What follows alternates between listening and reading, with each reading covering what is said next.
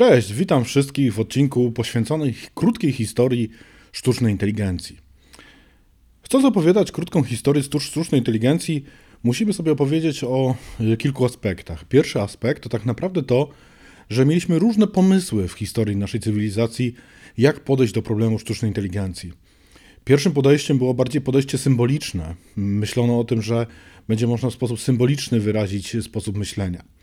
Oczywiście wiadomo, że takie podejście nie odniosło dużego sukcesu. Zmieniono to podejście do podejścia e, tak naprawdę wywodzącego się z uczenia maszynowego, z uczenia statystycznego, który w tym momencie dominuje. E, aczkolwiek wcześniej myślono o tym, że model mózgu, model myślenia można przedstawić najpierw w postaci liczb, później w postaci e, tak naprawdę symboli. Jak wyglądała ta historia? Tak jak mówiłem już to w poprzednim którymś odcinku, historia sztucznej inteligencji ma kilka obszarów ma wymiar, bardzo ważny wymiar chyba dla nas wszystkich, wymiar komputerów i tych osób, które zajmowały się komputerami, powstaniem komputerów jako tego rozwiązania. O tym postaram się opowiedzieć. Postaram się też dzisiaj opowiedzieć o tym, o tym wymiarze bardziej matematycznym, ale zostaje też jeszcze wymiar całej cybernetyki, ludzi zajmujących się troszeczkę innym tym obszarem, no i dużo, dużo wątków pobocznych, które tak naprawdę dotyczą sztucznej inteligencji i rozwoju go w różne, w różne strony. E, w tej krótkiej historii, którą teraz chciałem przedstawić, zacznę tak naprawdę od postaci bardzo znanej, czyli Turinga. Turing, który y, znany jest pewnie najbardziej z tego, że uczestniczył w projekcie dotyczącym Enigmy, e, w którym też mocny udział mieli Polacy wcześniej. E, złamania kodu Enigmy, które mówi się o tym, że przyspieszono koniec wojny, to mniej więcej o dwa lata, z tego powodu, że został złamany ten szyfr, był realizowany przez zespół ludzi pracujących z Turingiem, który był wiodącym naukowcem, naukowcem, który był fenomenalnym naukowcem, ponieważ on zdefiniował dużo różnych ciekawych tematów, e, w których coś wartościowego zrobił. Dotyczyło to też i biogenetyki, dotyczyło to podwalin z tym związanej. To, co jest ważne z tej perspektywy, o której dzisiaj opowiem, właśnie podwalin dotyczących sztucznej inteligencji. Jest to człowiek, który na pewno musimy troszeczkę więcej czasu poświęcić w jakimś oddzielnym odcinku. Alan Turing, osoba, która przedwcześnie tak naprawdę odeszła z tego świata, e, była w stanie jeszcze na pewno dużo dobrego e, dla rozwoju nauki zrealizować. E, on jest twórcą kilku ważnych rzeczy. Pierwszą rzeczą, którą było taką, że zbudował on podwaliny tak naprawdę tego pierwszego komputera. Komputera, ale też i definicji wykonywania obliczeń na komputerze. Stworzył coś takiego, co nazywamy deterministyczną i niedeterministyczną maszyną Turinga, która pokazuje, które rzeczy jesteśmy w stanie stworzyć, obliczyć i, i przetwarzać na klasycznym komputerze, a które są nie do zrealizowania z perspektywy wykonywania naszych działań. On pokazał też to, że możemy z tej samej pamięci korzystając przechowywać informacje związane z kodem i, i, i treść i zadaniami, które są tam wykonywane, czyli ta sama pamięć operacyjna i, i związana z kodem wykonywanym, czyli to, co tak naprawdę jest naszym komputerem obecnym w, obecnym, w obecnych czasach. Oczywiście jego koncepcje nie, jest, nie był indywidualną osobą, która to realizowała, bo był zespół też pod kierownictwem niejakiego von Neumana, który zbudował całą koncepcję mechanizmu, zresztą on więcej ciekawych rzeczy zrobił, o czym za chwileczkę opowiem, e, ale Turing był tym, który tak naprawdę przyczynił się do tego rozwoju w pierwszym momencie. On też był tą osobą, która wykorzystywała pierwszy model tego komputera, czyli coś, co nazywamy y, komputer pierwszy, który powstał w Wielkiej Brytanii, czyli Colossus. To był rok 1944, powstanie tego komputera. To były pierwsze komputery, które powstały na świecie. Colossus w 1944 roku, y, ENIAC w 1945 roku to były Stany Zjednoczone i komputer, który był nazywany Baby z Manchesteru w 1946, a właściwie dokończony był w 1948 i to, były komputer, to był pierwszy komputer, który też program program przechowywał wewnętrznie, tak? Czyli to nie było, że zewnętrzny był kod z programem, tylko był prog zapisany, e, program już był zapisany e, w pamięci tego, tego komputera.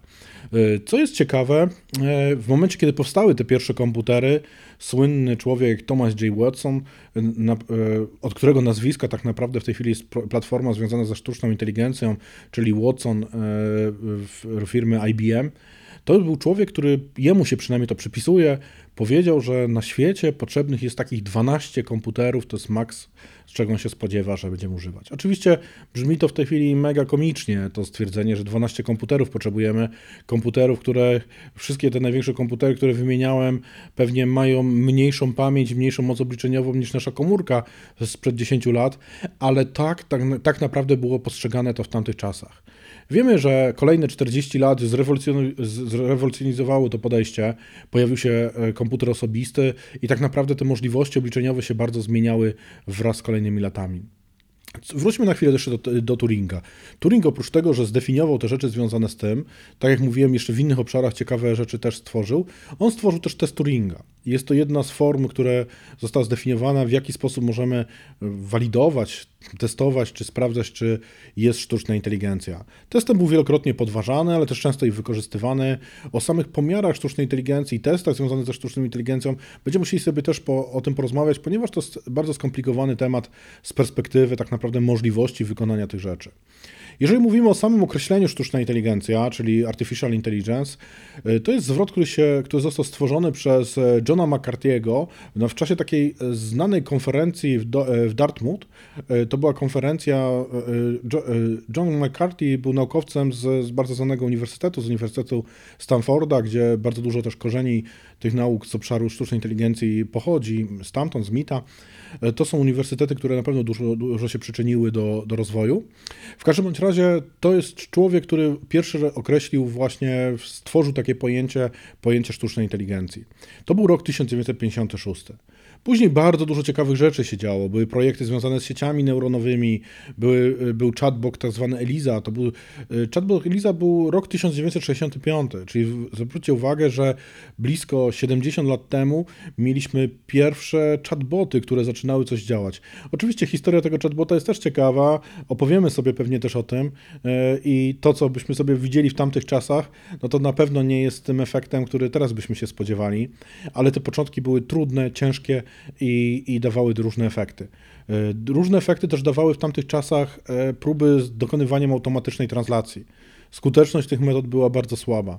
Nawet był taki moment, gdzie w czasach właśnie tak zwanej zimy sztucznej inteligencji, e, typowanej w latach 70., 80., początku lat 80., nikt już nie wierzył w to, że taktycznie warto dawać pieniądze na maszyny myślące, ponieważ tych porażek było tak dużo, że, że, że powiedzmy fokus był skierowany na inne nauki, które w tamtych czasach wydawały się bardziej korzystne z perspektywy tego działania.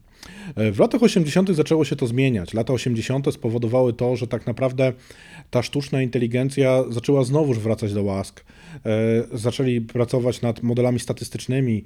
Większy zakres działania był z modelami statystycznymi. Były koncepcje związane z sieciami neuronowymi. To właśnie w latach 80. pojawiły się podwaliny tak naprawdę do e, e, rzeczy nazywanych w tym momencie deep learningiem. One faktycznie nie były używane w tamtych czasach. Zaraz powiem z jakich powodów. Ważny element następny, który jest, to znowuż tutaj pojawia się firma IBM ze, ze swoim Deep Blue. Deep Blue to był komputer, który pierwszy wygrał z szachami.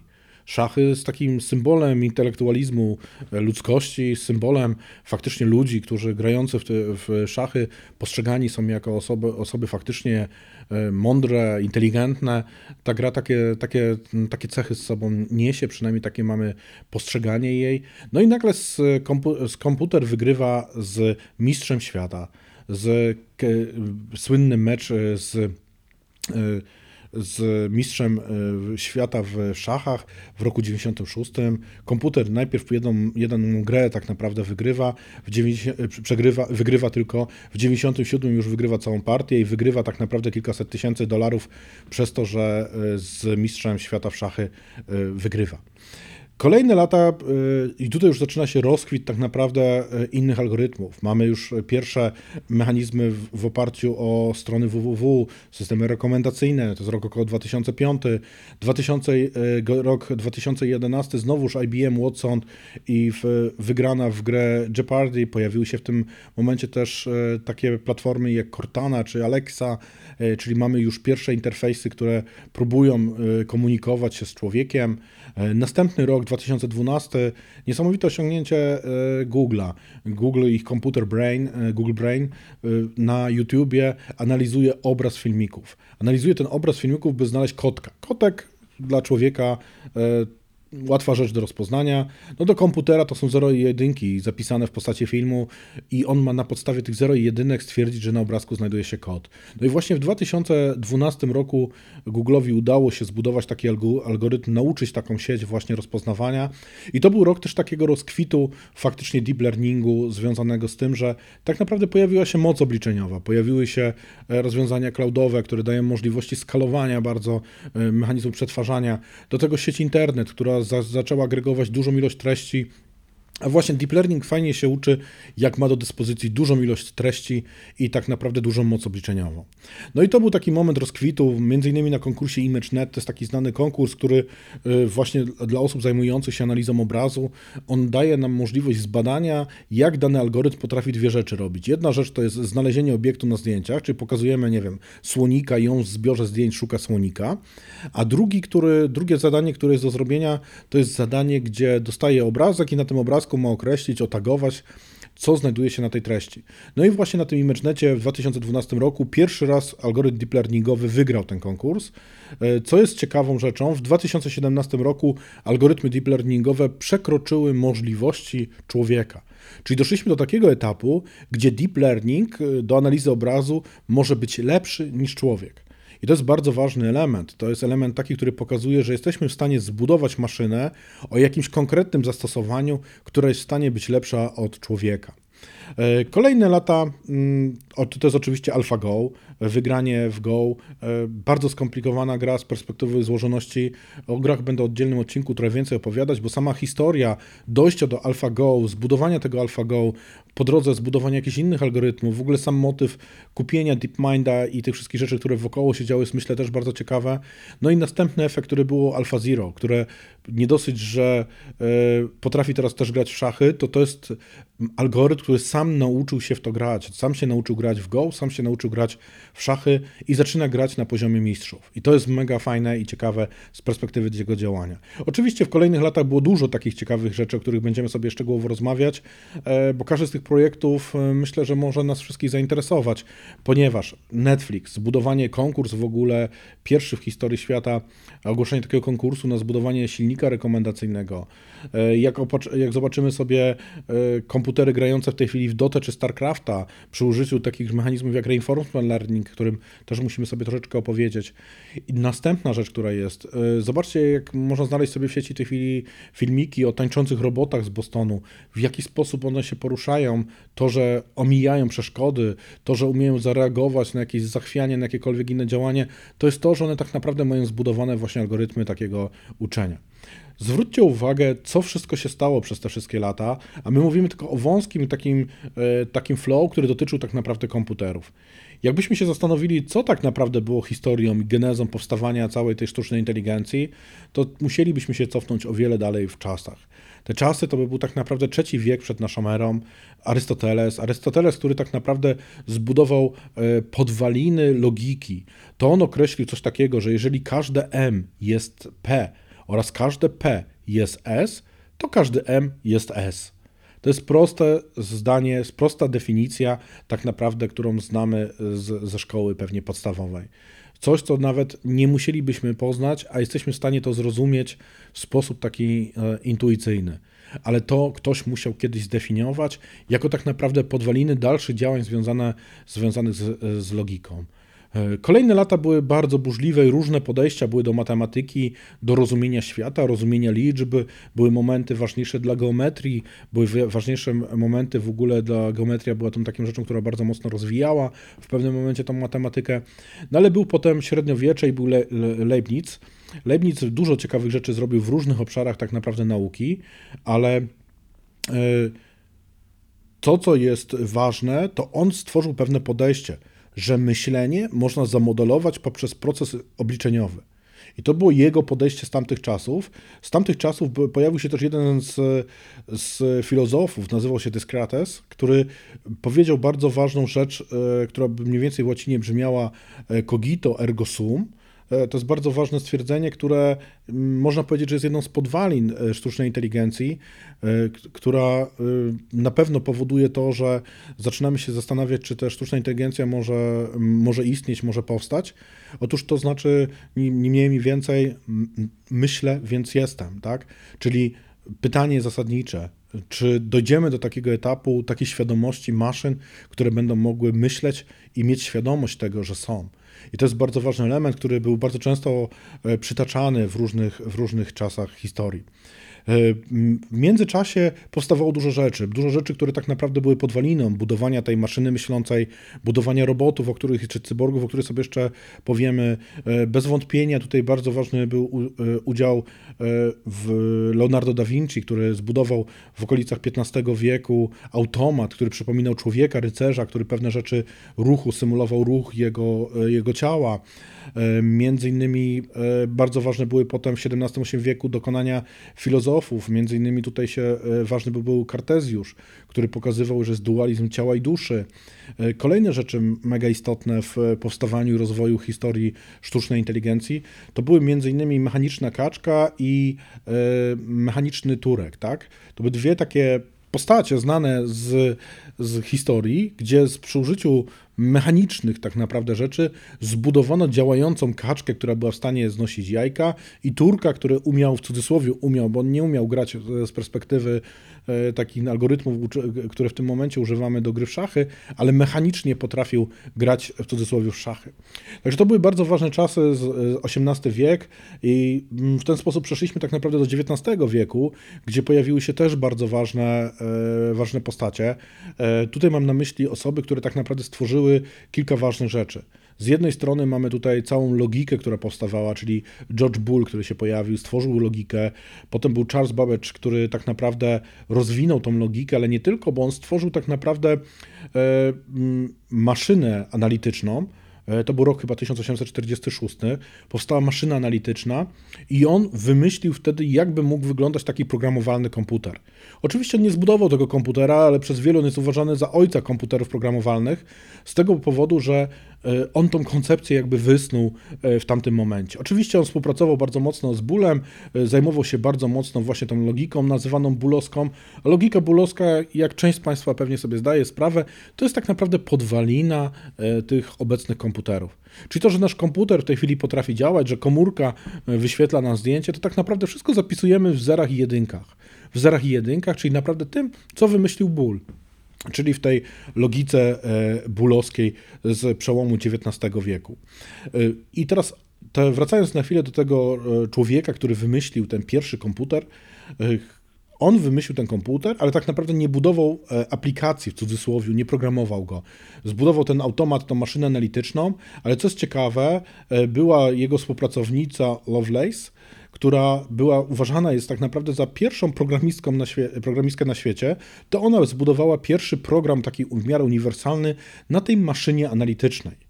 E, dalszy rozwój e, tego działania był bardzo burzliwy, bo w międzyczasie pojawił się George Cantor, e, który faktycznie zbudował całe e, bardzo ważne z perspektywy obecnych systemów e, informatycznych i tego, co tak naprawdę budujemy na naszych komputerach, czyli zbudował cały, cały formalizm związany z teorią zbiorów. Teorią zbiorów, która jest nieoderwalną częścią właściwie budowania tych naszych systemów informatycznych. Już wtedy przechodzimy dalej do początków XX wieku. Początku XX wieku, które były bardzo ważne z perspektywy zarówno teorii, teorii obliczalności, działalności e, teorii gier. Tutaj się pojawia Hilbert i Gödel, który zbudowali właśnie twierdzenie o, o e, niezupełności. E, co jest jeszcze takiego ważnego z tamtych czasów? To na pewno lata 40., 50. i prace nad sieciami neuronowymi. Praca nad sieciami neuronowymi, czyli zainspirowani będąc wizją i koncepcją, jak działa nas, nasz mózg, czyli to, że mamy neuron, który w jakiś sposób jest w cudzysłowie programowalny, zbudowano taki aparat matematyczny, który symulował taką sieć neuronową. O sieciach neuronowych i narzędziach w ogóle wykorzystywanych w modelach machine learningowych czy statystycznych w taki sposób ogólny na pewno sobie porozmawiamy. Nie chciałbym wchodzić tutaj w aspekty szczegółowe, techniczne, zarówno dotyczące matematyki, jak i informatyki, bo chciałbym, żeby to jednak było nasze luźne rozmowy na ten temat, ale tak podstawa taka e, pewnie też nam się wszystkim przyda, żebyśmy rozumieli, że ta sieć neuronowa to jest jakby symulacja tej biologicznej sieci neuronowej, którą mamy w, w głowie ona tak naprawdę jest pewnego rodzaju wzorem matematycznym. I, i co jest ciekawe, w 1951 roku e, zostało zbudowana taka pseudosieć neuronowa, e, która, e, a neuron jako postać taką matematyczną była 7-8 lat wcześniej wymyślona, a w 1951 roku była pierwsza taka sieć neuronowa zbudowana i ta sieć neuronowa, co jest ważne, ona była zbudowana w tamtych czasach z lamp próżniowych. Nie wiem, czy Państwo kojarzycie lampy próżniowe. Ja w obecnych czasach najbardziej kojarzę e, z pewnej grupy wzmacniaczy, tylko audio, gdzie te lampy e, próżniowe się znajdują. I właśnie z takich lamp próżniowych, które były w ilości 3000 sztuk, można sobie wyobrazić, jak to działało, bo te lampy w tamtych czasach, ich e, efektywność pracy była bardzo słaba, czyli pewnie włączenie tej sieci wiązało się z tym, że nie dosyć, że był duży pobór mocy, to jeszcze tak naprawdę była straszna awaryjność, ale to była pierwsza sieć neuronowa, która była taka, taka zrealizowana. Jak teraz się Państwo zastanowicie, że w iPhone'ie macie wbudowany e, moduł związany z taki procesor dedykowany tak naprawdę do, sieci, do obliczeń związanych z sieciami neuronowymi, który jest w stanie miliardy operacji na sekundę wykonać, to jest niewyobrażalne, jaki postęp cywilizacyjny zrobiliśmy przez te 70 lat. Także nie dosyć, że mamy teraz to właściwie w kieszeni, taki, e, taki mechanizm zbudowany pod to, żeby te sieci neuronowe przetwarzać, to jeszcze e, szybkość i wydajność tych mechanizmów jest wręcz niesamowita. No i dochodzimy do 1944 roku, gdzie tak naprawdę, właśnie troszeczkę go minęliśmy, ale wróćmy jeszcze, cofnijmy się na chwilę, właśnie, i tu jest bardzo ważna postać John von Neumann. John von Neumann, który jest autorem tak naprawdę z jednej, story, z jednej strony e, elementów związanych z tą podwalinami koncepcji von Neumana, jeśli chodzi o architekturę e, komputerów, według której tak naprawdę pracują do dzisiaj te komputery. Tutaj przy von Neumanie myślę, że też jak będziemy się przyglądać postaciom związanym ze sztuczną inteligencją i troszkę więcej czasu na niektórym poświęcimy, to tu warto poświęcić, bo ten konflikt pomiędzy zespołem badawczym a von Neumannem był dość duży. I tutaj też e, ciekawa historia z tym jest związana. E, von Neumann nie dosyć, że stworzył te rzeczy, to on stworzył jeszcze kilka innych rzeczy. On jest e, osobą, która bardzo dużo wniósł do teorii gier. Tak samo on stworzył całą koncepcję i budowę rzeczy związanych z automaty, automatami komórkowymi. Czyli to jest też jeden z kolejnych elementów związanych z, oblicza, z obliczeniami. On też zbudował formalizmy pod te teorie kwantowe. E, I z czego jest też znany, był jednym z pierwszych, który zajmował się numeryczną prognozą pogody. Czyli tak naprawdę to, że rozwój prognozy pogody się wziął przez te 70 lat i w tej chwili korzystamy z tej prognozy pogody i tych modeli obecnie statystycznych, to pierwsze numeryczne obliczanie prognoz pogody właśnie też zajmował się e, von Neumann. Widzicie, że jest dużo ciekawych rzeczy związanych z historią sztucznej inteligencji i myślę, że tutaj jeszcze szczegółowo e, popowiadam o jakichś takich ciekawych rzeczach, albo wybiórczo, albo bardzo szczegółowo. E, bardzo chciałbym poruszyć właśnie wątki jeszcze kilku ważnych osób, o których jeszcze nie mówiłem, albo nawet tutaj wspomniałem, e, bo są ważne osoby z obszaru jeszcze cybernetyki, uczenia maszynowego, które też bardzo dużo wniosły do rozwoju sztucznej inteligencji i myślę, że warto, abyśmy o niektórych historiach posłuchali, albo się skupili też nad tym, co ci ludzie takiego wnieśli w to i mimo to, że ta sztuczna inteligencja może jeszcze nie jest taką maszyną myślącą, jak ci ludzie marzyli i sobie wyobrażali te kilkadziesiąt lat temu, to naprawdę przynieśli bardzo dużo do świata nauki i do, do tego, co wykorzystujemy w życiu codziennym przez mozolną pracę naukową, którą realizowali. E, dzięki, że wysłuchaliście kolejnego odcinka podcastu Opór jest daremny, nadchodzi AI. E, zapraszam do śledzenia e, podcastu zarówno w dowolnych e, portalach podcastowych, na kanale YouTube, jeżeli ktoś woli w postaci filmowej, no i też uczestnictwa aktywnego na fanpage'u Łukasz Grala Podcast na Facebooku, gdzie można też zawsze wymienić się jakimiś komentarzami, ewentualnie podzielić się jakąś ciekawą informacją, podyskutować, czy też zaproponować jakieś wątki do kolejnych naszych odcinków. Do usłyszenia w następnym odcinku i miłej zabawy ze sztuczną inteligencją. Dzięki.